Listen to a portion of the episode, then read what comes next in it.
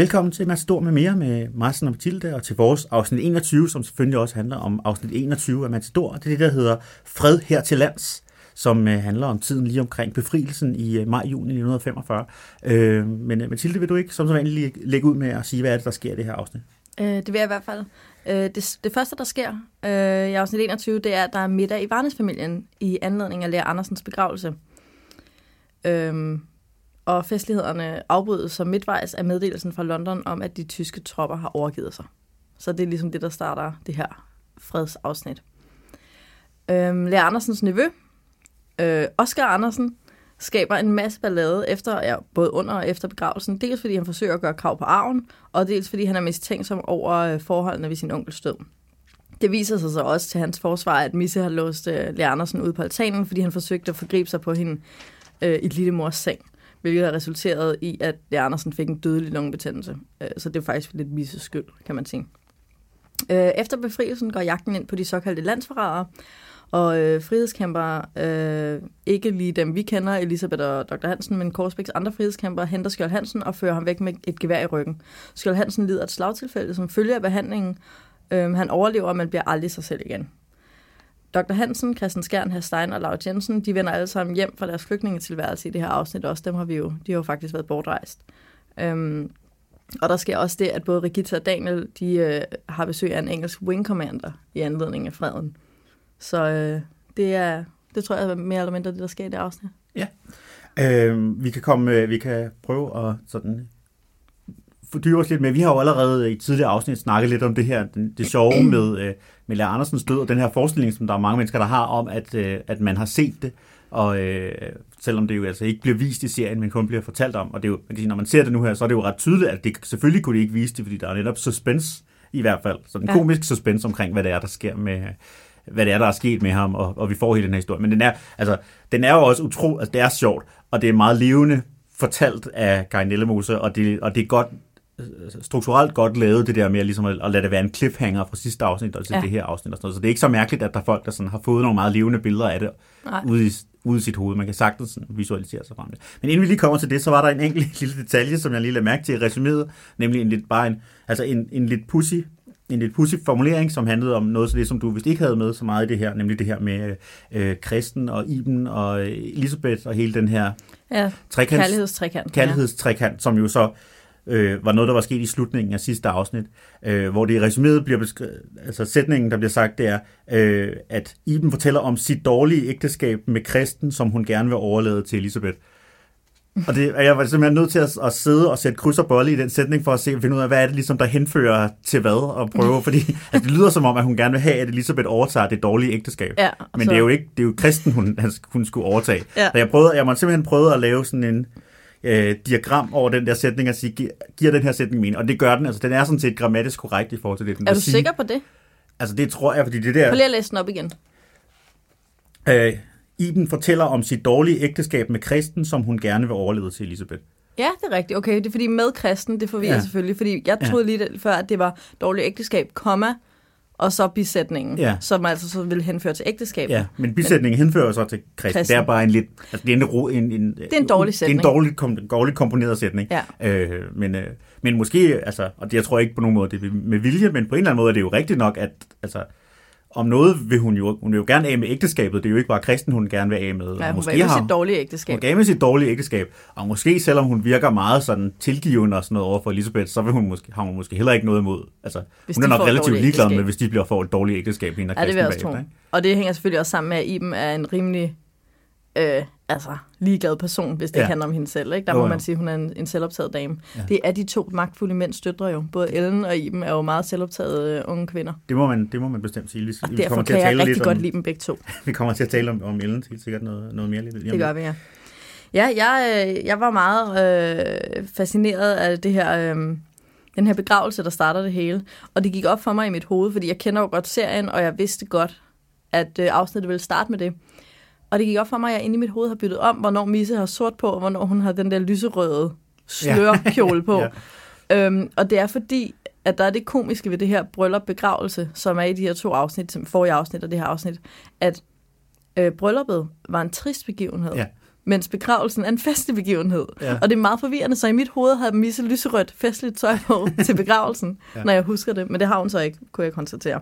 Men det er vildt fedt lavet, og det er vildt fedt lavet, at den befrielse, der sker, altså befrielsen af Danmark, Mm.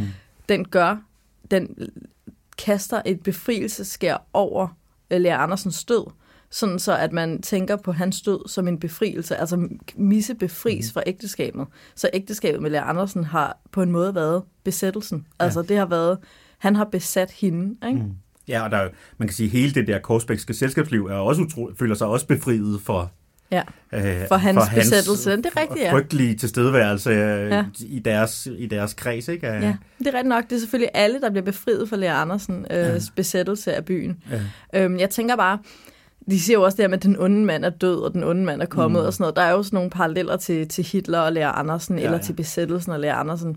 Men hvor meget har Lea Andersen og Hitler egentlig til fælles? Det, det er noget, jeg også sad og spekuleret lidt på. Altså sådan rent, jeg tænker ikke på sådan symbolsk, jeg tænker reelt. Ja, ja. Er Lea Andersen et forsøg på at vise, hvordan Hitler er?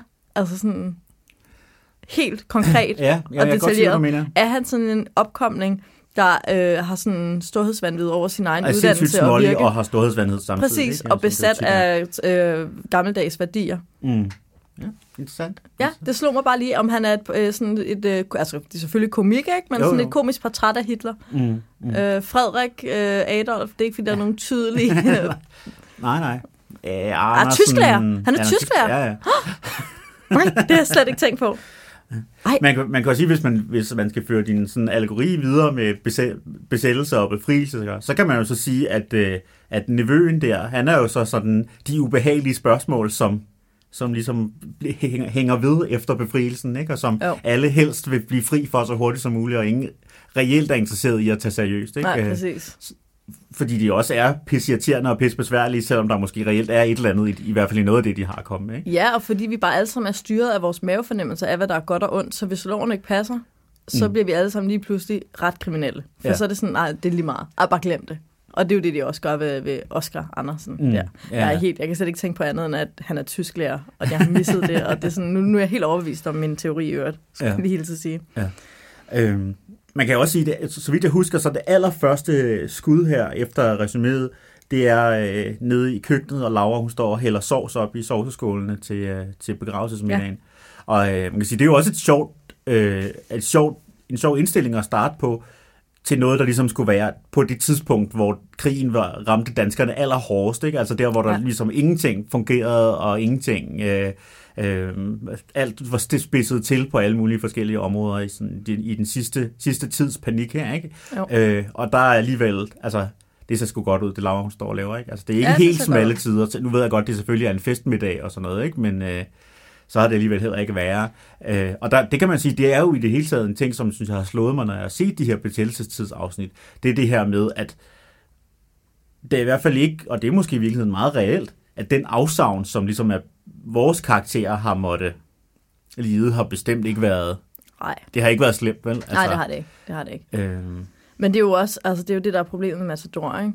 De kan jo ikke have noget slemt med, for så ødelægger de Matador-stemningen. Ja. Altså, så, så der er sådan en, en begrænsning for fortællingen der. ja, ja, og man kan også sige, at den ene, altså, også det handler om borgerskabet, ikke? Og borgerskabet var, de Ja, ja, de klarede sig det ikke, og de okay. købte, købte sortbørsvarer og havde lidt på kistebunden og kendte altid Ja. nogen, som man kunne skaffe lidt det ene og det andet og sådan noget, ikke? Men og den eneste der- arbejderklassekarakter, man havde, sendte man så til Sverige lige til at... Jamen, vi har jo Og også begynde- fedesiddende, og han har det jo, altså, han virker også til at have det fint, ikke? Ja, ja, ja. Altså, han sidder jo også og spiser ude Ja, ja. tre-fire gange om dagen, eller et eller andet, ikke? Jo, Øhm, jo, lige præcis. Så, ja, jeg, jeg, synes, altså, jeg synes, det er sådan lidt... Øh, jeg tror, at det er helt overlagt, at Matador ikke vil gøre det lige så slemt, som det var. Ja. Fordi det bare simpelthen ikke passer med den fortælling, de vil lave. Ja, men jeg synes jo, det betyder jo altså så også, at den, altså, øh, på en eller anden, altså, jeg, jeg synes, jeg, blev, jeg er blevet overrasket over den grad, hvor man kan sige, at den befrielsesstemning, som selvfølgelig kommer, og den her lykke i forhold til at blive fri fra nazisternes å og sådan noget her i 45, altså, den er, det virker, altså, det virker ikke så slemt på en eller anden måde. Altså, på den måde, den Altså, der de sådan burde ikke blive så glade, eller hvad? Ja, det er jo, det er jo noget, en forfærdelig ting at sige, ikke? men altså også den der sådan højstemthed, der er omkring, nu kan vi endelig et eller andet. Altså, det, det, det, vi har bare ikke set den der Nej, det er rigtigt. Altså, Øh. så det, det er sådan, der er en diskrepans mellem Mords lettelse over, at de ikke skal drikke den forfærdelige kaffe mere. Altså Ja. sådan mængden af lettelsen, og sådan, okay, Ja. ja. altså, Mm. du har lige selv sagt, du er over til te, altså, så, kan du, så kan du jo nok holde det ud. Ja, ja, det er måske det. rigtigt nok. Og, der men selvfølgelig er der jo nogle ting, ikke? og vi ser jo, det kommer, skal vi snakke om senere, ikke? Og netop det her Stein vender tilbage og sådan noget. Der har jo selvfølgelig været nogle personlige og følelsesmæssige konsekvenser for nogle af Ja. karaktererne alligevel, ikke? Men, der. Ja. men Og måske det, der også har været, det der er den største sådan, faktor i den der lettelse, det er en angst, som man ikke rigtig ser, fordi man tilpasser sig. mm, Men som så, når den bliver fjernet, så kan man bare mærke, "Åh, nu er verden lysere.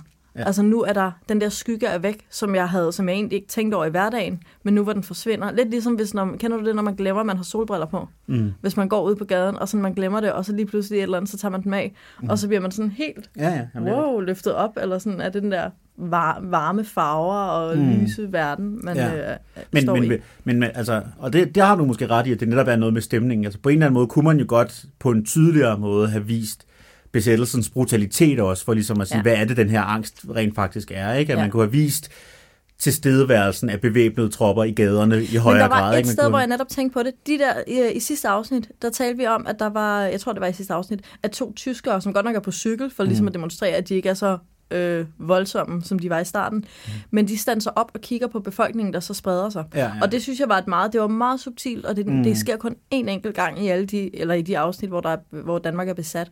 Men det var en, en rigtig fin demonstration af, at man blev nødt til at gøre, som de der soldater sagde, for ellers Ja. skød de dig. Ja. Det er jo, altså, det er jo en reel ting. Prøv at tænke at gå på gaden, og så hvis du, hvis du laver ballade, så bliver du ikke arresteret, og du bliver skudt. Mm. Det er fandme, det er fandme en anden verden at leve i, Ja, ja. alligevel. Mm.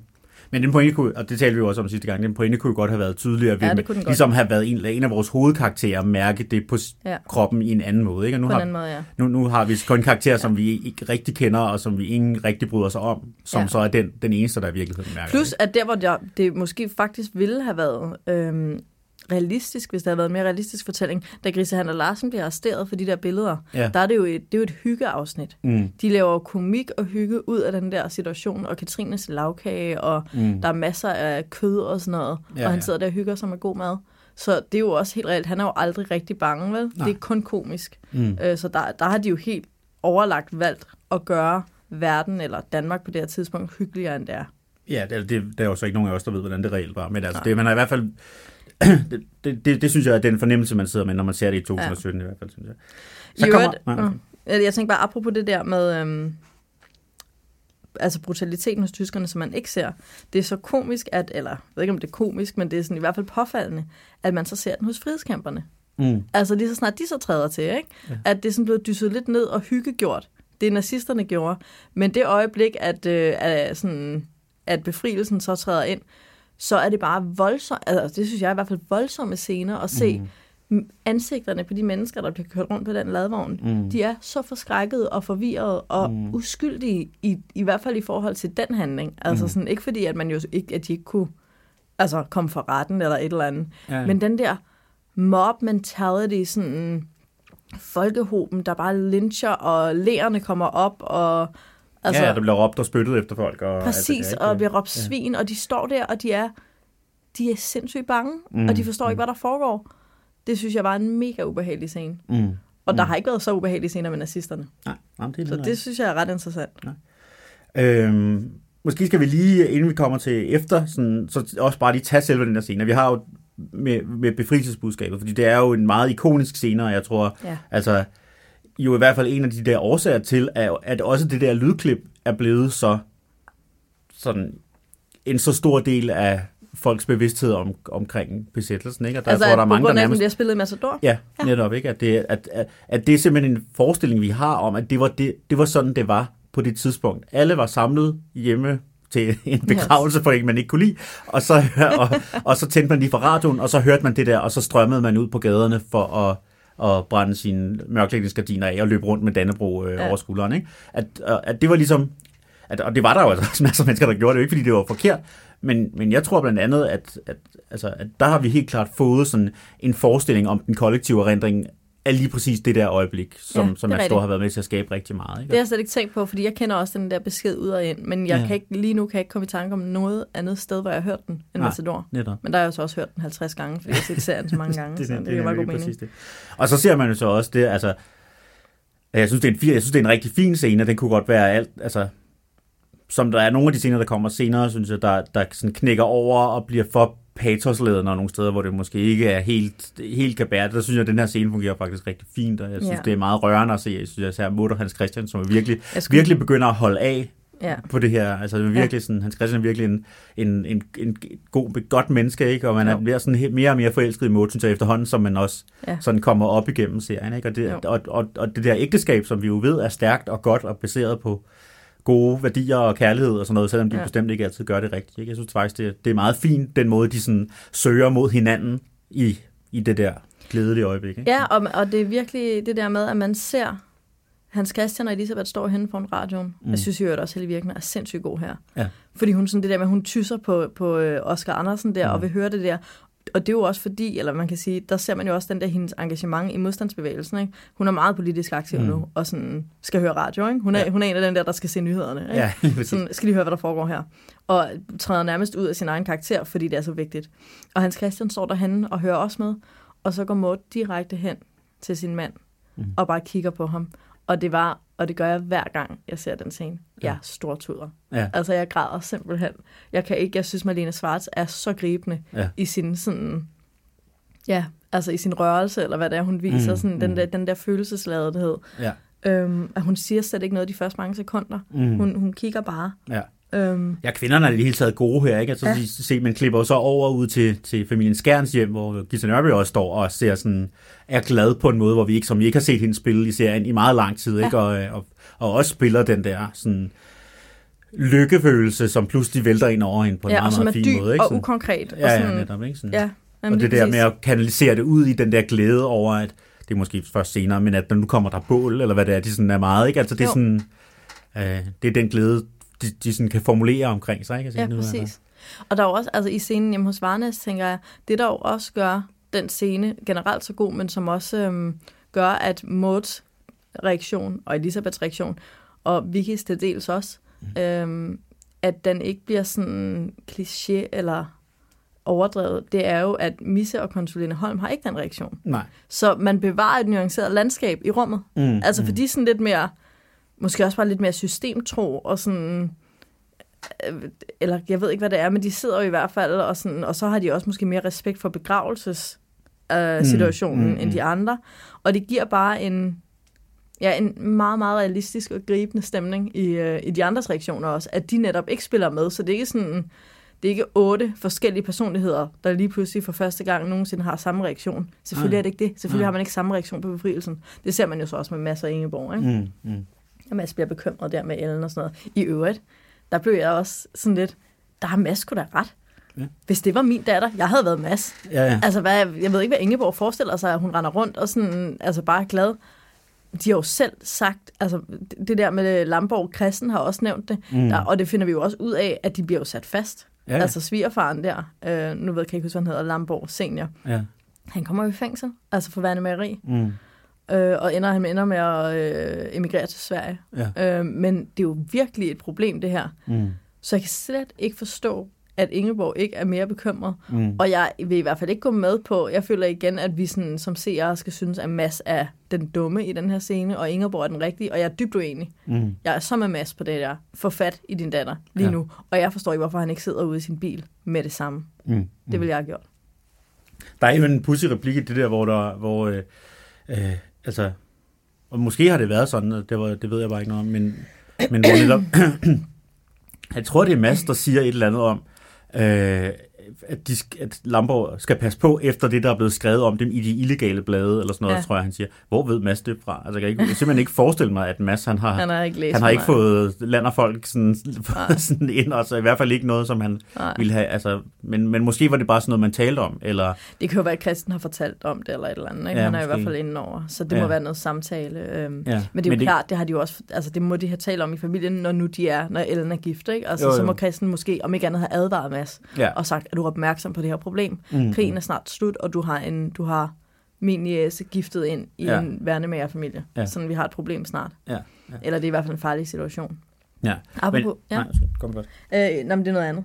Okay, men så vil jeg lige gøre det færdigt, det der med, med Mads og Ingeborg, fordi jeg synes, at, altså, jeg, jeg synes, du har ret i, at, det, at, at man tager, at at serien tager måske ikke masses helt rimelige bekymringer øh, helt seriøst nok, men det er jo også stadigvæk, altså, jeg synes, der, der altså, begge karakterer får lov til også at være charmerende her. Jeg synes, Jørgen Bukøj Bukøj også får lov til sådan at spille massen, når han er sådan lidt sjov, ikke? Netop det her med at skulle ud og finde champagneglassene, og altså, han er jo også meget altså, forelsket i sin kone lige i det øjeblik, og på ja. en eller anden måde. Jamen, det er han.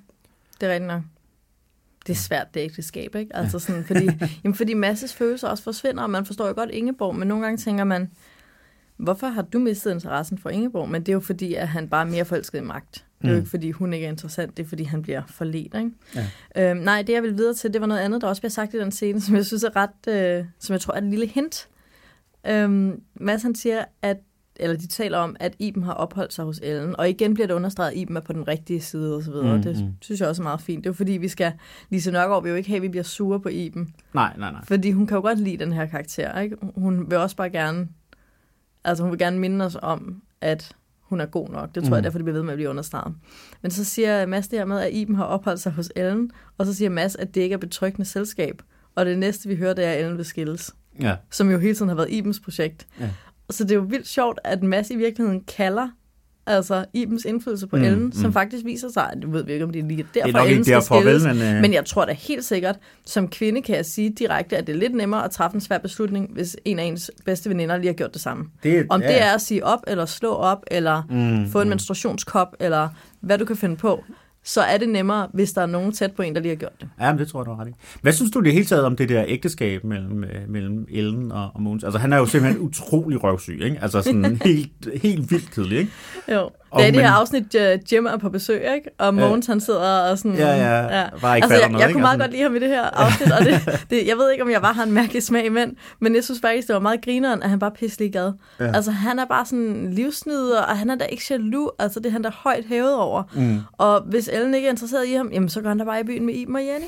altså, jeg kan meget godt lide, at han er lidt øh, sådan ja. ulidenskabelig på ja. den der måde. Jeg synes, der er noget... Øh, jeg synes, han er lidt en stor mand i det der år. Altså, han er, han er måske lidt Laurits modsætning, ikke? Ja. Han er den der sådan gamle, gamle penge, og bare læner sig tilbage og skal have en shoes og en cigar, ja, ja, ja. og hygger sig med alle mennesker, og tager ikke tingene så tungt. Og sådan. Ja. Det ved jeg ikke, jeg, jeg kunne meget godt lide ham. Ja, det synes jeg, det er meget sjovt, fordi jeg, jeg, jeg, for mig jeg synes, jeg virker han jo virkelig bare som sådan en helt personlighedsforladt... Øh, karakter, ikke? men er jo til gengæld så Ellen jo altså også er sådan, altså heller ikke entydigt sympatisk i hvert fald i det, hun gør. Hun er og i hvert fald kæft, hun er en kælling. helt tydeligt også fuldstændig ligeglad med sin mand og sin, sit ægteskab og sin alt muligt. Og sin altså, stakkels bror. Ja, ja, det er det. Altså, hun er jo virkelig vokset op til at blive forkælet. Ja. Men der er måske også det, at hun opfører sig sådan, som hun opfører sig, fordi hun har et ulykkeligt ægteskab. Mm, mm. Fordi hun spiller jo sådan, la la la la la, jeg har det fint, la la la la la, men man må sige, hvis man tager det væk, det er jo en facade selvfølgelig, mm. og hvis man tager det væk, så bliver man jo lidt egoistisk og selvoptaget,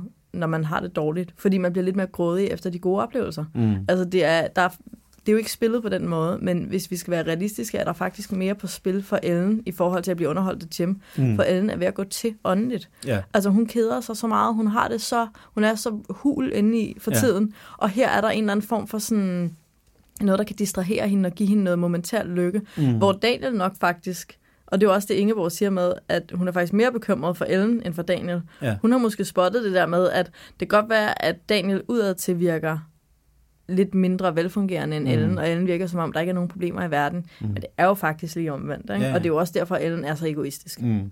Og det er jo også netop fordi, at altså, og det hun jo også har spottet, netop det der med, at Ellen, sådan, at hun har, har gode karakterer i skolen, men reelt kan hun jo ikke noget. Nej. Altså hun har ingen, hun har ingen hun har ingen talenter. Hun har ingen talenter, og hun har ikke nogen, hun har så heller ikke fået, hun har ikke nogen uddannelse, fordi det har, ikke, det har hun ikke sådan givet prioritere, og, altså, fordi hun altid bare har fået ting fra Ellen. Så Jamen, reelt kan ja, hun ikke noget. hun bare vil have det sjovt, ikke? Ja. Altså, sådan, og det starter vel, ja, hvornår starter det? Jeg ser det måske første gang lige der omkring konfirmationen, ikke? hvor hun vil til Lulu, Sil, Lulu Siler. Ja. Det er det, jeg måtte google, fordi jeg ikke forstod, hvad det var for et ord, men det er sådan en person. Ja.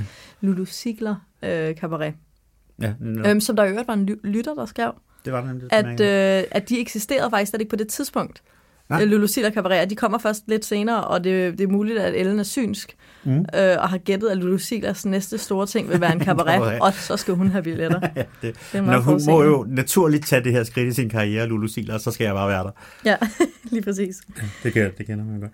Øhm, for nu at hoppe over så til det her med, med det begyndende retsopgør, og det her med, at modstandsbevægelsen sådan i en, den der fuldstændig uorganiserede form, som den nu havde på det her tidspunkt, Yes. øh, samler alt, hvad der ligesom er rygtet til at skulle være, skulle være værnemager, eller tyskersøser, eller være samarbejds sådan nazisympatisører på forskellige måder, de bliver samlet ind. Ja. Der sker der også noget af det, som vi har talt om nogle gange, hvor man i et meget kort øjeblik forlader øh, sådan det sædvanlige visuelle sprog i, øh, i Matador. Der er en meget kort, øh, sådan, altså nærmest sådan dogmeagtig håndholdt POV-skud, hvor der simpelthen bliver filmet øh, fra en af karakterernes perspektiv oppe på den her øh, ladvogn, og Ja. billedet er sådan helt rystet. Og, øh, Når med ham, der truer med hånden og siger er svin. Netop, ja. og nogle børn, der løber ind Hvad og ud af kaldte du det for billedet. et skud? Et point of view, altså Nå. fra en af karakterernes øh, Nå, øh, synspunkt. Ja.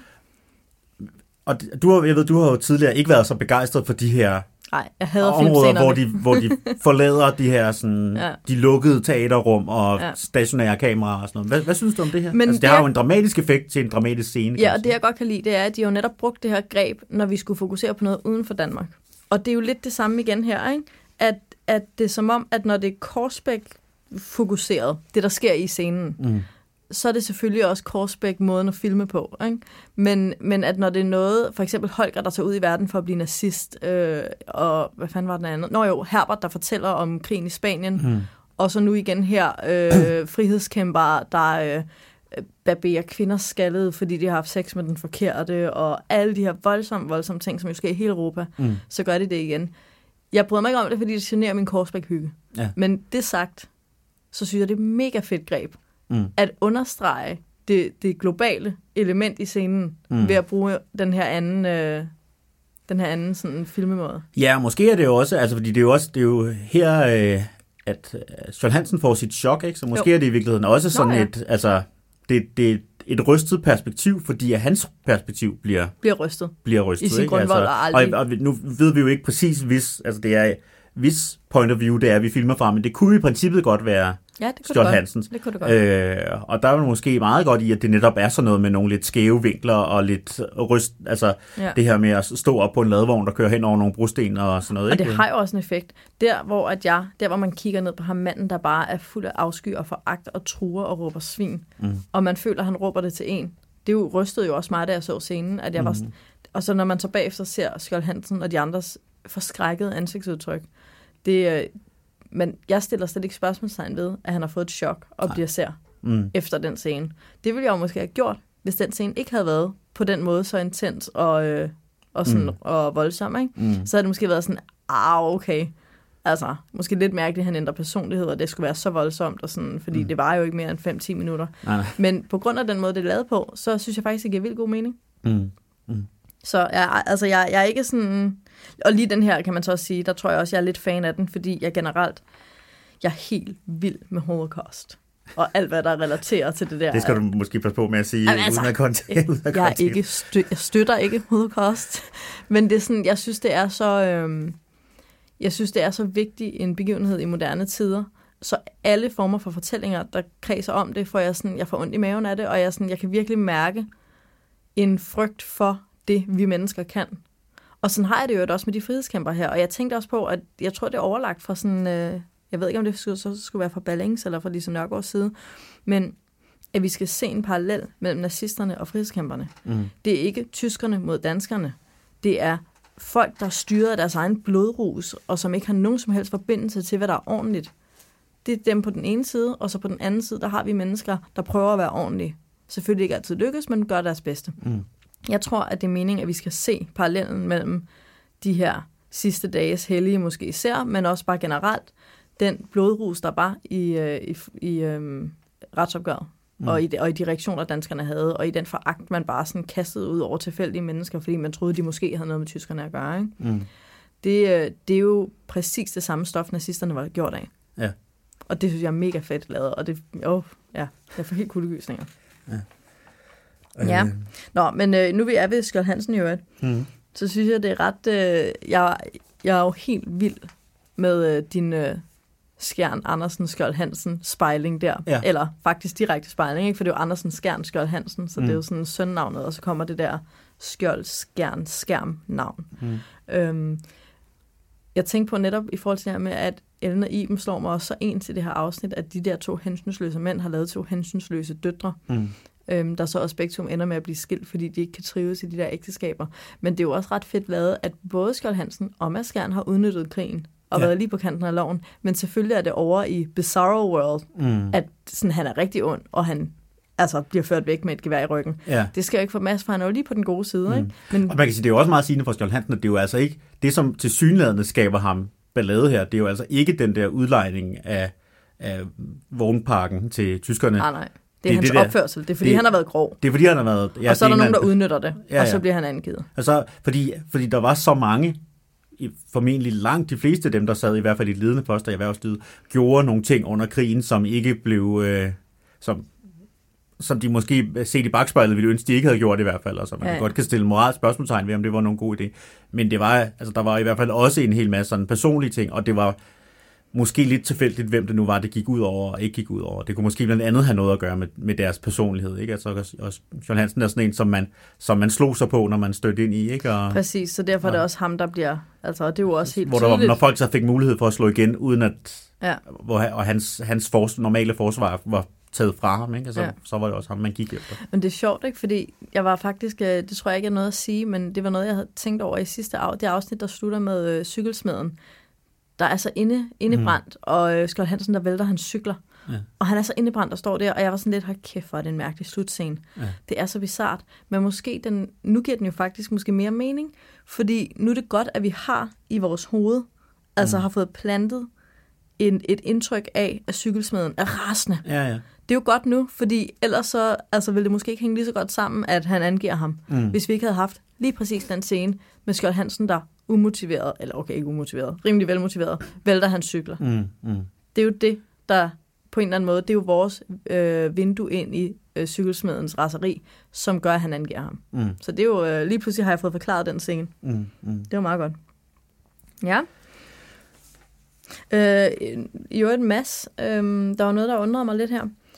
Øh, han begynder at tale om det her med, de taler om, øh, om fru Lamborg der, Ja. Ellens svigermor. Om hun må have vidst, hvor pengene skulle komme fra og sådan Ja, noget. det var, det, det er bare, det er virkelig sjovt, fordi det virker som om masser sådan, ej hold nu op, og det er jo helt tydeligt, at de er sådan værnemager, og Ja. det, vil- det, er jo, det er jo, er der ikke nogen, der kan stille spørgsmålstegn mm. ved. Men var det ikke ham, der stod og forsvarede det før? Var det ikke Mm. ham, der var sådan, nå ja, men nogen skal jo være forbindelsesled til Dansk-Tysk Forening, eller ja, ja, ja, et eller andet, som var sådan, han talte det jo ned, og så mm. Mm. nu var det vendt, så er han Mm. sådan, ja ja. Ja, ja. Og han er jo også helt uden, altså især nu, hvor de så har mistet deres magtposition, så han er jo helt uinteresseret i den der Lamborg-familie. Ikke? ja altså, det er jo ikke præcis. nogen, øh, at det, er jo ikke, det er jo helt tydeligt ikke hans familie, vel? Det er nogen, der måske kan være Ja. ja. vigtige for, at Ellen kan Ja, have det godt, præcis. men det er jo helt klart ikke hans familie, vel? Og det, Nej, det regner.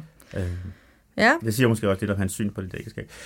Lad os snakke Ja. ja. lidt om, øh, om Pax, hunden Pax, som jo hedder Max i starten af, af ja, afsnittet. ved du hvad? Ja. Det var først, da jeg øh, kom i første G, og havde latin, Ah, du ligesom tænkt. at, jeg, at det gik op for mig, hvorfor han hed Pax. Ja. Jeg troede bare, at det var, og jeg var altid sådan, Pax, det skulle da et mærkeligt navn. Ja, og det er lige så grimt Max Max. er et navn, Pax, det er bare en lyd. Ja. Og så fik jeg latin, og jeg tror, det var den der Pax Romana, eller hvad den Ja, ja. hedder, ikke?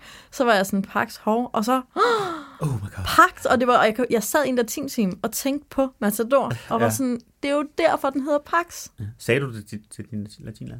Nej, jeg sagde det ikke som en latinlærer Bolsen, det, det tror jeg ikke ville have været en god idé. Han, øh, han var den gamle skole. Ja. Men spørgsmålet er, om jeg sagde det til nogle af de andre Matador øh, elskere i klassen. Eller tror, om du synes, det var... Jeg tænker sådan, kan jeg vide, om vi talte om det, fordi... Ej, Men det, kan må jeg ikke huske. gjort. Men, Ja. øh, men ja, altså, det er, jeg synes, det er lidt sjovt, og det er, under, altså, øh, ja, det, er lidt, det er lidt underligt, synes jeg. Det er underligt, at Maud, hun går, hun synes, at det der Max er så fær, forfærdeligt et navn. Altså, det er en hund. Altså, det er jo den, de kan hedde alt muligt. Men det er jo også Mhm. bare, det er jo så bizarre en sådan... Hvorfor skal den overhovedet komme? Altså. Ja. Men jeg har faktisk øh, skrevet Pax, ikke Max, jeg har skrevet Pax som øh, ugens VIP. Ja. nu, du, nu du selv bringer det op. Fordi at selvom jeg synes, det er sådan lidt mærkeligt, og jeg ikke helt ved, hvad den skal, så er det, og det er måske netop det, den skal i virkeligheden, ja. Ja. nu, jeg, nu jeg ser det højt, men øh, Pax ændrer jo dynamikken Ja, ja. i familien. Mm. Altså, han ændrer jo, øh, han, den, ja. Han Hunden. går vi ud fra. han, ja, det må det være, ikke Ja. Max? Ja. Pax ændrer øh, på en eller anden måde Varnes-familiens stemning og ty- den familietype, det er. Ja. Altså, der er forskel på at være en familie med hund og en familie uden hund. Mm. Man er bare lidt mere tilnærmelig. Ja, ja. Og den giver jo, den, den giver jo også Lauras noget, Laura noget, som er, som er hendes, men som er fælles. Altså, at, den, Ja, det er at, at Pax er jo sådan set hendes hund og hører til ned hende, men den, altså, og det ser vi især i næste afsnit, der, der, der begynder Pax jo sådan at komme op, og det bliver, Ja. Hans Christian skal gå tur med hende, så det vil sige, at de skal faktisk tage et kollektivt ansvar for noget, som er Lauras Ja, for første gang nogensinde. præcis. Efter ligesom altid hele dynamikken har været alt det, der, der eventuelt kunne være, der var fælles, Nå, men det var ligesom Det var deres. familie, Ja. Varnesernes, Ja, som Laura så skulle bidrage til. Ikke? Ja, Og det, præcis, det er det præcis. første, som, som er noget, der er personligt for Laura, og som de andre... Men det, der jo så også lidt sker, det er, at den på en eller anden måde så også Laura lidt føler, at hun mister den. Ikke? Ja. Så det er jo ikke verdens bedste, eller det er ikke verdens nemmeste balance i Ah, hvert nej, fald. bestemt. Øhm, det er det ikke. Et Men- andet godt argument for, at han kunne blive VIP, det er jo, at, øh, at øh, Laura jo giver den noget af de her, nogle af de her fyldte chokolader, som, øh, Ej, som Laura har taget, øh, har taget med hjem fra Sverige. Og det er jo meget farligt, altså chokolade er jo voldsomt giftigt for, for hunde, og det reagerer Pax overhovedet ikke på. Så det, han har også noget stamina, altså der kan virkelig han kan Han er en stærk hund. Jamen, han har overlevet krigen, ikke? Kan Ja, man ja, sige. ligesom hvis vi andre bare havde fået sådan en klump stryknin, som vi så lige, og så bare, Nå, okay, fint nok, det kan vi det godt. Ej, jeg gad godt være sådan en, der var immun for gift, men altså de der, jeg kan slet ikke, den der scene med Lauras chokolader, ikke? Jeg får så meget lyst til chokolade, når jeg ser den. Ja, det ser godt Jeg ud. ved bare, at hun tager, at der er nougat i den. Jeg ved ikke, hvorfor jeg ved det, men det ved jeg bare. Og jeg synes virkelig, hun spiller nydelse. Altså, hun burde lave reklamefilm for Mabu. Ja. Hun spiller bare den der ultimative chokoladenydelse, mm. som er helt særlig og anderledes end alle andre former for nydelse. Den spiller hun så Nu godt. optager vi det her afsnit i december, kan man sige, så vi er alle sammen rimelig øh, mulighed. Vi har rimelig adgang til Nuga, hvis det sådan Ja, skulle være det, der var. Og det tror jeg så måske, det skal være i dag. Der skal simpelthen laves noget nougat konfekt i dag, kan jeg godt mærke efter det afsnit. Men øhm, tilbage, til, tilbage til Pax, så, øhm, så synes jeg også, at, øh, at der er det fedeste ved, og det er måske netop grunden til, at han skal være med, det er, at årsagen til, at Laura får lov til at beholde Pax, Mm. er twofold. Der er to årsager. Eller sådan, der er to, øh, lodder på, Ja. vægt, på vægtskålen. Det ene er, at hun før er rejst, Mm. så de ved, hun kan finde på at sige op. Det er den ene grund til, at Maud bliver overtalt, og det siger Maud direkte. Ja. Ja. Nu skulle det bedst hende, at hun igen fik den idé at rejse. Ja, ja. Ikke? Så der ved vi altså, at det er i tankerne, shit, Laura kan finde på at rejse, så er det måske lidt farligt at sige nej til hunden. Mm. Og det andet er, vi kan, vi kan godt huske, hvordan det gik sidst, da Rigitte kom hjem med hund. Og og Helle er så glad for den. ja. Det er den anden trussel, det er, shit, får jeg nu fucket min relation op til Helle, ligesom jeg gjorde med Rigitte. Det er de to ting, der får mod til at sige, okay. Og det er jo ret fedt, altså det der med, at fortiden kan kaste så lange skygger. Ja, ja, ja også bare det, at de ved, at selvom Maud ikke interesserer sig særlig meget for hunde, så må hun ligesom erkende, at det er altså noget, der er tilpas vigtigt for andre, ja. Til at det ikke... Og det er jo sådan noget, som de af os, der ikke er sådan særlig dyre mennesker, jeg kan godt lide hunde og katte, men har ikke nogen, har aldrig haft det selv og har ikke noget. Altså der kan man godt nogle gange glemme, hvor vigtigt det her kan være for folk, der virkelig er hundeelskere. Ja, Jamen, det kan man. At det, og og det, det, det, det er jo også det, som, som Maud bliver mindet om her at sige, selvom hun bare synes, det er en eller anden åndssvag hund, som larmer, så for, for Laura, så er det altså næsten lige så vigtigt som et menneske eller som et barn, ikke? og det kan man altså ikke bare tage. Nej, det kan man ikke bare. Og det er faktisk frygteligt. Nu jeg, jeg, nu er jeg også allergisk over for hunden, men jeg er også mega bange for hunden. Og det er blevet værre, efter jeg er blevet allergisk, fordi jeg aldrig interagerer med dem, fordi mm. sådan, jeg har fået besked på, at jeg skal holde mig væk. Og der, folk bliver så såret. Altså det der med, Ja. at jeg bliver nødt til at bede dem om at holde deres hunde for sig selv, eller sådan, om de godt Ja. vil have i snor. Og det er en frygtelig konfliktsituation at være i, for jeg kan godt se, hvad det Altså det er som om, at folk kom hen til mig og bad mig om at øh, altså, holde min baby derhjemme, fordi de gad altså ikke gå og glo på den. Ja, ja, altså det ja. er så sårende en ting at sige. Mm. Øhm, så det er virkelig, øhm, det er ikke en irrelevant konflikt, Nej. den her, der omkredser er Pax. Den er ret spændende, ja. Det er det. Og så sker der jo noget andet i forbindelse med Pax, og det er vi igen for øh, adgang til Hans Christians spiderfortid. Som barn havde jeg også hund der på gården, hvor at, og med, med øh, kalen der, med den stakken varme pis i bukserne, og det lugter af gammelt spider. Jeg elsker den der fortid, Hans Christian har ude for, ude for gården. Ja, Det- det, Christian han er så sej. Altså, Jamen, han ja. bliver bare bedre og bedre, altså. Men han nærmer sig også mere og mere Moskov for riget, må man Ja, ja, sige, ikke? fuldstændig. Altså med hastige skridt. Fuldstændig. Der er, at nu, øh, nu har vi jo ikke set de nye restaurerede udgaver på det her tidspunkt, hvor vi øh, opdaterer, så vi har begge to talt, altså lavet det her afsnit ud fra, øh, fra den afsnit, eller de udgaver, der har været på DVD'en, eller som ligger på, øh, på Bonanza. Og i hvert fald i den udgave, der er altså faktisk, der er det her, det er en af de steder i serien, hvor der er en meget, meget tydelig mikrofon i, øh, i, i skuddet, og det kunne man jo godt håbe var noget af det, de fik. øh, Hvornår? Altså der, hvor øh, og Hans Christian kommer ned i køkkenet til Laura og siger, at, øh, at han, hun gerne må forlade hunden. Der ser man meget tydeligt sådan en boommikrofon, der stikker ned op i toppen What? af Okay, i den har jeg toppen overhovedet ikke set. Øh, Nå. det, det, det kunne man jo håbe, at de som en del af restaureringen lige havde fået på en eller anden måde beskåret lidt bedre. Det, øh, Ja, eller også er den bare endnu tydeligere nu. ja, det, det, er så det. Nu står den ikke klar. Nu kan man læse, hvad for en mærke der er. Præcis. Ja, nå, men det må, det må Det, vi lige det, se. jeg bemærker det kun, fordi jeg normalt er super dårlig til at lægge mærke til sådan nogle ting, og her var lærer jeg faktisk mærke til det, så hvilket tyder på, at det er meget tydeligt. Ja. Øhm, Nå, men vi må hellere, inden øh, vi løber tør for tid, øh, må vi øh, huske at komme... Øh, jeg har også en masse med Agnes og Laurits, jeg gerne vil tale om. Men øh, der er jo også scenen, hvor Misse går til bekendelse, ja. som vi skal have rundet. Ja. Øhm, hvor jeg satte hæfter, udover det er jo en mega fed scene, og endnu en, en demonstration af, at Maud er den, alle vil tale med de Mm, virkelig store, mm. alvorlige ting om. Ikke? Det er og hun ved det ikke, hun ved det ikke rigtig selv, og hun er skide bange for Misse. Ja. Hvad jo er, selvfølgelig er hun det. Jeg ville være så bange for Misse, Ja, ja, hvis, hun var, altså, hvis hun var en, der sådan kom i mit hus. Ja. Ej, ja. Nå, men øh, Altså, hun er jo, to, altså, hun er jo tosset. Altså, man Hun ved jo simpelthen ikke, hvad hun, hun er bindegal. Ikke? Altså, man hun ved er, som Hans Christian siger, hun er bindegal. Ja. Altså sådan, og det bliver værre. Men det er jo også noget, som jeg hæftede mig ved, var jo, at det er jo fordi, hun er blevet krænket, at hun begynder på Ja, det der ja, ja. drageri. Ja.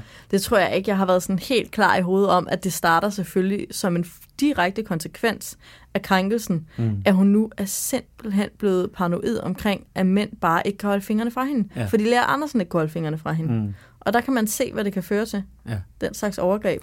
det er det. Stakkels misse. Ja. Nå, men hun siger i den der bekendelse, at, øh, at det, hun blev reddet af, det var Paul Christensen, der blev skudt. Fordi det fik øh, Lea Andersen til at gå ud på altanen og bede om nattero, fordi der var alt, de der, alt det støj fra gevær, øh, geværsalverne. Ja.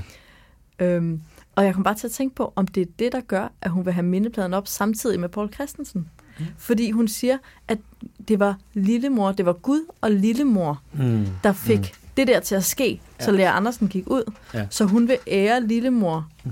sådan ved at, altså jeg tror, Misse, inde i hovedet tænker Misse, at fru Fernando Møge har som en slags øh, Guds højre hånd, Ja. orkestreret det, så fuldmægtig Paul Christensen blev skudt, sådan som Misse blev reddet. Mm. Så da, og det er derfor, at mindepladerne skal op samtidig, det er fordi, at det i virkeligheden er fru Fernando Møge, Mm. der har, der er den styrende hånd bag ved mordet på fuldmægtig Paul Christensen. Jeg tænkte også på, om det i virkeligheden var et aspekt af den her sådan religionskritik, lige nok også religionskritik, som der ligger nogen. Det her, altså Mises fuldstændig afvisen og betydningen af Paul Christensens øh, død, fordi det var sådan set en del af den store plan for noget, der skulle ske for hende. Ikke? Og Ja. det, man kan sige, det ligger jo på en eller anden måde i alle altså nogle narrativer om sådan guddommelig indgriben. Ikke? Altså, Jo.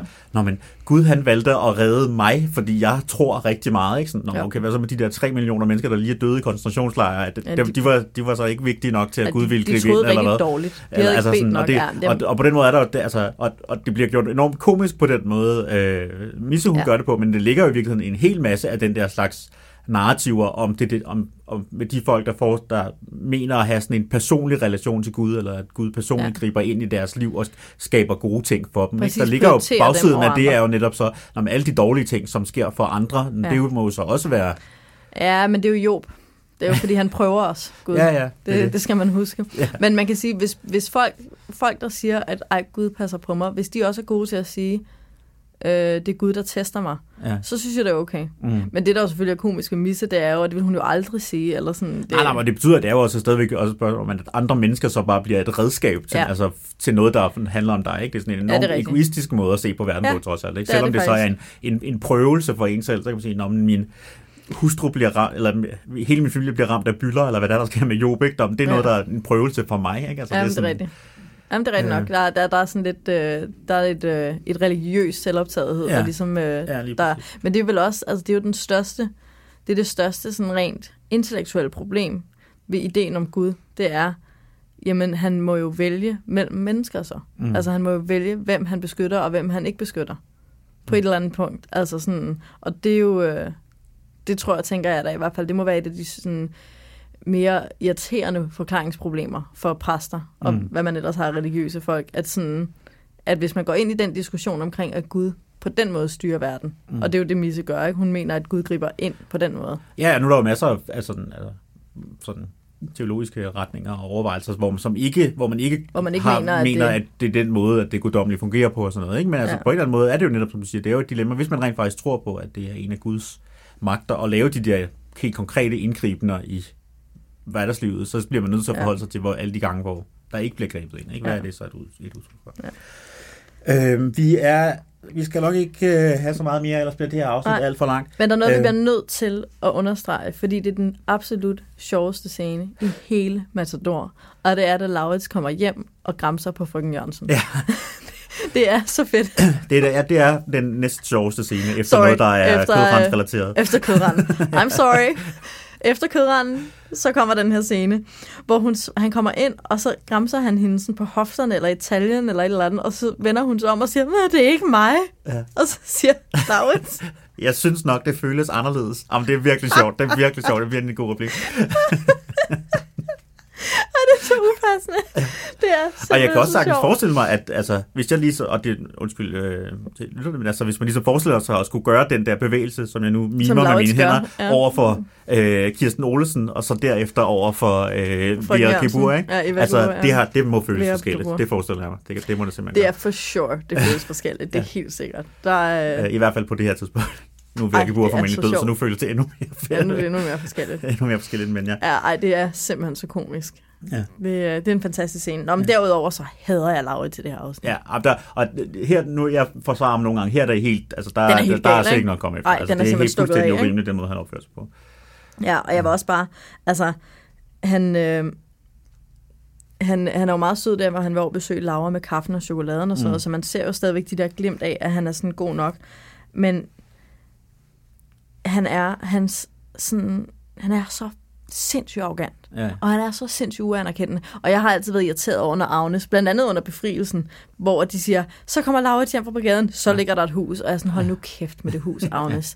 Jeg gider ikke høre om dit åndssvage finanseventyr. Ja. Det er så kedeligt. Ja. Og, hvor, og hvor stolt er du? Og, Ja, og også det, altså der er sådan noget, og hvor, hvor hun også siger sådan, "Ej, jeg havde håbet, Laurits han kom i dag, men han kommer først i morgen, fordi han var i Stockholm. Og det, sådan, altså, det kunne Laurits jo ikke vide. Altså, det, er jo, det er jo ikke sådan, at han bevidst har valgt at først at komme en dag Nej, senere nej. hjem. Altså han har nu bare tilfældigvis været et andet sted, end der, hvor folk lige kunne komme over til Danmark lige præcis på det tidspunkt. lige præcis på det tidspunkt. Øh, Men, men det der med, og hun siger det også tidligere, det der med, at det er meningen, at han skal glo en omgang, når han ser huset, og hun er så spændt på at vise ham det der hus, og jeg er bare sådan, hvor er det sådan uskyndt, at hun mm. er så vild med at vise ham det der, hun har præsteret. Ja. Men ej, hvor jeg forstår hende i det her afsnit. ja, ja.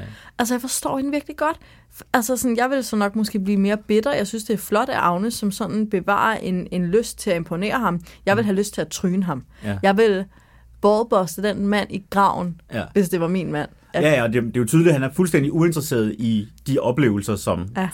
både som især Agnes, men også de andre i Korsbæk har haft, mens han har været væk. Ikke? Han gider Ja. overhovedet ikke høre, hvad de har lavet, og hvordan Nej. de har, hvad de har tænkt, og hvad de har reflekteret, og har ikke nogen fornemmelse, da de sidder ude hos, øh, hos grisehandleren så, og, og åbner den her pakke fra, øh, ja. fra Herbert, og hvor han altså, overhovedet ikke, altså bare sidder og snakker om, hvor meget han glæder sig til at kunne snakke, Snakke om, Herbert. om Ej, og Vicky, prøv at forestille dig, at din kæreste, Ja. eller det er jo ikke ekskæreste, for det er jo krigen, der har Ja. adskilt dem, så det, du får et brev til din kæreste, som er til en gruppe mennesker, Mm. og så har han ikke kunnet lægge en note til dig. Mm. Han har ikke kunnet lægge et lille stykke papir, ja. som var privat til dig. Ja.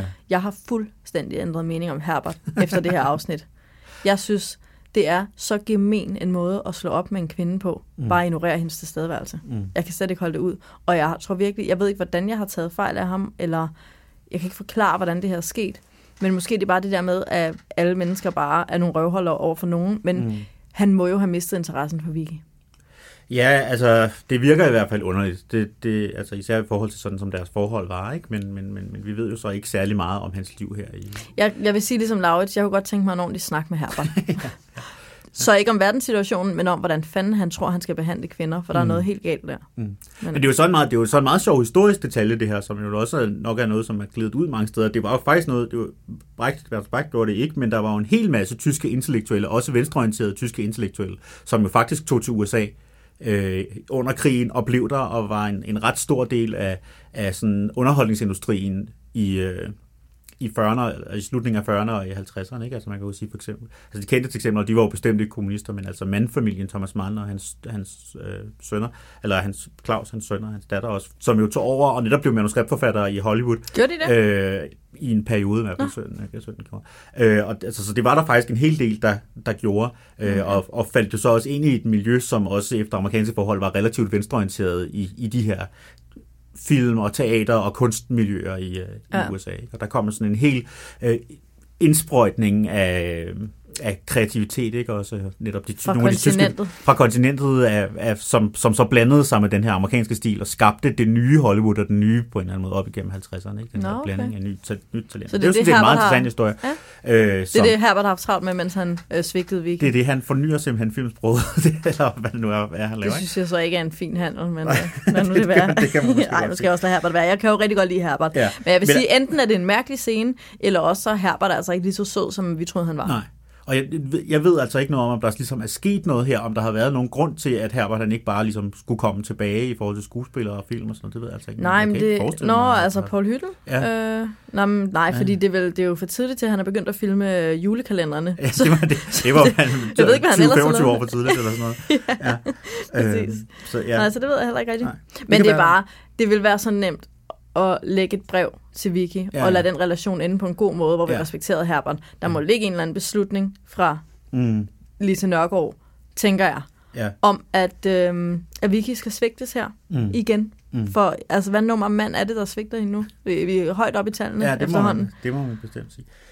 Ja. Er vi enige om, at det er, det er Pax, og så er det, jeg synes nok, det føles anderledes, at det er vores vinder her. Altså, jeg synes ikke rigtigt, der kan være. Jeg, jeg, jeg er helt med på... Øh, Ja, men det er rigtigt nok. Øh, jeg synes nok, det føles anderledes. Den er, den er jeg med på. Men jeg havde også bare nogle andre, jeg gerne vil fremhæve. Mm. Så nu bliver jeg nødt til at bare få dem med, bare Ja, ja, for at ja, det bliver ja. anerkendt, at de var finalister. Ikke? Fordi vi gør det jo lidt omvendt nu. Ja. Ja. Vi siger, hvem der har vundet, og så kommer alle nomineringerne bagefter. Altså, hvis, hvis jeg lige skal komme med mine ene, så vil jeg sige, og det var simpelthen bare, fordi nu sagde du, du tude øh, under øh, det her frihedsbudskabet, og der Ja. vil sige, det eneste, der hvor jeg fik en klump i halsen, det er, da herr Stein kommer tilbage, ikke? og Ja. denne glæde er det den største, eller, eller det, det er simpelthen så rørende, og scenen var jo 25 sekunder eller sådan noget, ikke? Og, og der bliver ikke gjort meget ud af det, men, men bare den der sådan ordentlighed, der er i, ja.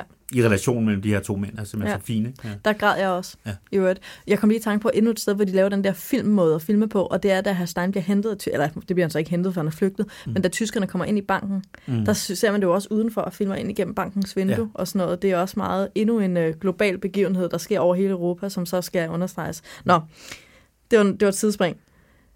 Jeg bliver nødt til at understrege den her sætning, fordi den er så sjov. Næsten lige så sjov som den anden. Mogens Damborg, please to meet you. det synes jeg også er vildt sjov. Men jeg, har ikke, jeg ved ikke hvorfor. Det er bare sådan, jeg altid har sagt, når jeg møder folk. Kan jeg ikke lade være med at sige, please to meet you. Ligesom Mogens Lamborg. Og i øvrigt tror jeg, der er en YouTube-video, der sådan spiller den der replik. På loop. Jeg må lige se, om jeg kan finde den. Jeg skal nok lægge den ud i vores Facebook-gruppe. Men som looper den der, please to meet you, i sådan, øh, eller også er den bare en enkelt, bare kun den. Der er i hvert fald, jeg tror, der er en YouTube-video med det, det finder jeg lige. Kan jeg vide om den måde, altså deres måde at tale engelsk på, om det sådan er sådan, om det bare er sådan 70'er-agtigt, eller om det er spillet 40-agtigt, eller om det i virkeligheden bare er det samme. Ja, eller også er det meget det samme, ja. Ja. ja. Fordi det er måske før amerikansk rigtig sætter sig på, på Danmark, ikke? Ja. Øhm, nå, men den anden, det er Dr. Hansen, der siger, kan man straffe nogen for at være sin mors datter? Mm. Og det synes jeg måske er meget sødt, men det er slet ikke lige så sjovt som Please to meet you. og så er der den, der slutter afsnittet, som er, interesserer du dig overhovedet ikke for, hvad der foregår her i huset? Mm. Som bare går ud til, til alle de fraværende fædre Ja. øh, i Korsbæk og ud i det ganske land ja. i dag. Mm. Det, er, det synes jeg er meget sådan den der morens desperation. Sådan, Ja. Ja, ja, Hvor også er du henne? Hun må, altså, hun må virkelig have en fornemmelse af, altså, hvorfor er det, du ikke kan se det, som er så ja, skide tydeligt, det her, ikke? Altså, Præcis. hvordan børn har det, og i deres respektive relationer, og hvor, ja hva, hvorfor Daniel gør de ting, han gør, og sådan noget, ikke? Altså, Hun hvorfor er står det, du jo ikke midt i en ildebrand, og Ja. Mads lader, som om den ikke er der. Eller Ja. det gør han jo ikke. Han ser den ikke. Og, Mm. det, er også, og det synes jeg også er fint ved den replik. Ingeborg har godt forstået, at Mads ikke ser det. Hun Mm. tror ikke, han lader som ingenting. Nej, Det er bare så vildt, hvordan, altså, hvordan man kan lade være med at se det. Ja. Nå, men ikke desto mindre. Jeg er fuldstændig enig. Synes nok, det føles anderledes. Den må... Øh, Ja. Den, øh, det, jeg Den synes, vinder. den, den, den, den vinder. den Lige her til sidst, så vil jeg godt skal jeg lige give et lille shout-out til ham, der spiller øh, ham der Wing Commanderen, som, øh, Ja. som er med Daniel Jim. øh, hjem. Øh, Nicholas Farrell, som er... Og det var, for- jeg var inde og slå det op, at det var faktisk hans første tv-rolle her, så han Er er, sådan noget blevet taget over fra, øh, fra England, og som har formentlig været teaterskuespiller før, eller gået... Eller, han er også med i nogle af Agatha Christie's med Det er øh, David nemlig. Suchet. det er nemlig, og, og, og har haft en stor og lang karriere, været med i en hel masse, været med i den oprindelige House of Cards BBC, og den hel masse, Hva? ma- masse Er det ting. rigtigt? Og først var han Shakespeare-skuespiller, var med, spiller Horatio i, øh, i Kenneth Branaghs udgave af, af Hamlet, hvor han sådan set spiller, altså bruger, har lidt den samme sådan... Øh, godmodighed og sådan noget, som han ja. også bruger her, sin sådan elskelighed i det der ansigt, ikke? Jo. Øh, som så, og, og enorme britiskhed i hele sit, sit, sit udtryk, Ja, ikke? som han, han netop virkelig bliver- britisk. Det er også Øh, derfor, han er blevet kastet i den her rolle, for han skal bare være britte. Han, han skal simpelthen bare være, være britisk. Tja. Men her var han simpelthen så ung, og han er simpelthen så ung, stiger stadig hans navn forkert i rulleteksterne, bemærker jeg. Er det rigtigt? Øhm, og øh, fordi det har, han har bare været en eller anden ung fyr, som de har fået over. Der, der, han står altså som Nicolaus Farrell i øh, rulleteksterne, øh, og det hedder han altså ikke. Men, øh, men Er der nogen, der hedder det? det kan jeg ikke, det kan jeg simpelthen ikke forestille mig. Det er meget mærkeligt. Øh, men, øh, men, men så shout out til ham, og han skal, vi anerkender, hvad hans rigtige navn er, og han er, han er Ja. sej. Øh, Og han er rigtig god i øh, britisk krimi ja, og, og og Shakespeare. andet. Og Shakespeare, ja. Ja. Det var det. Så øh, skal vi lige huske at minde jer om, at øh, I skal skynde ind i vores Facebook-gruppe, fordi der lægger jeg nemlig en YouTube-video op med Mogens Lamborg, please to meet you. og så kan I jo støtte os på, øh, på tier.dk, www.10er.dk, så kan I finde os derinde. Mange tak for den her gang. Tak for den gang.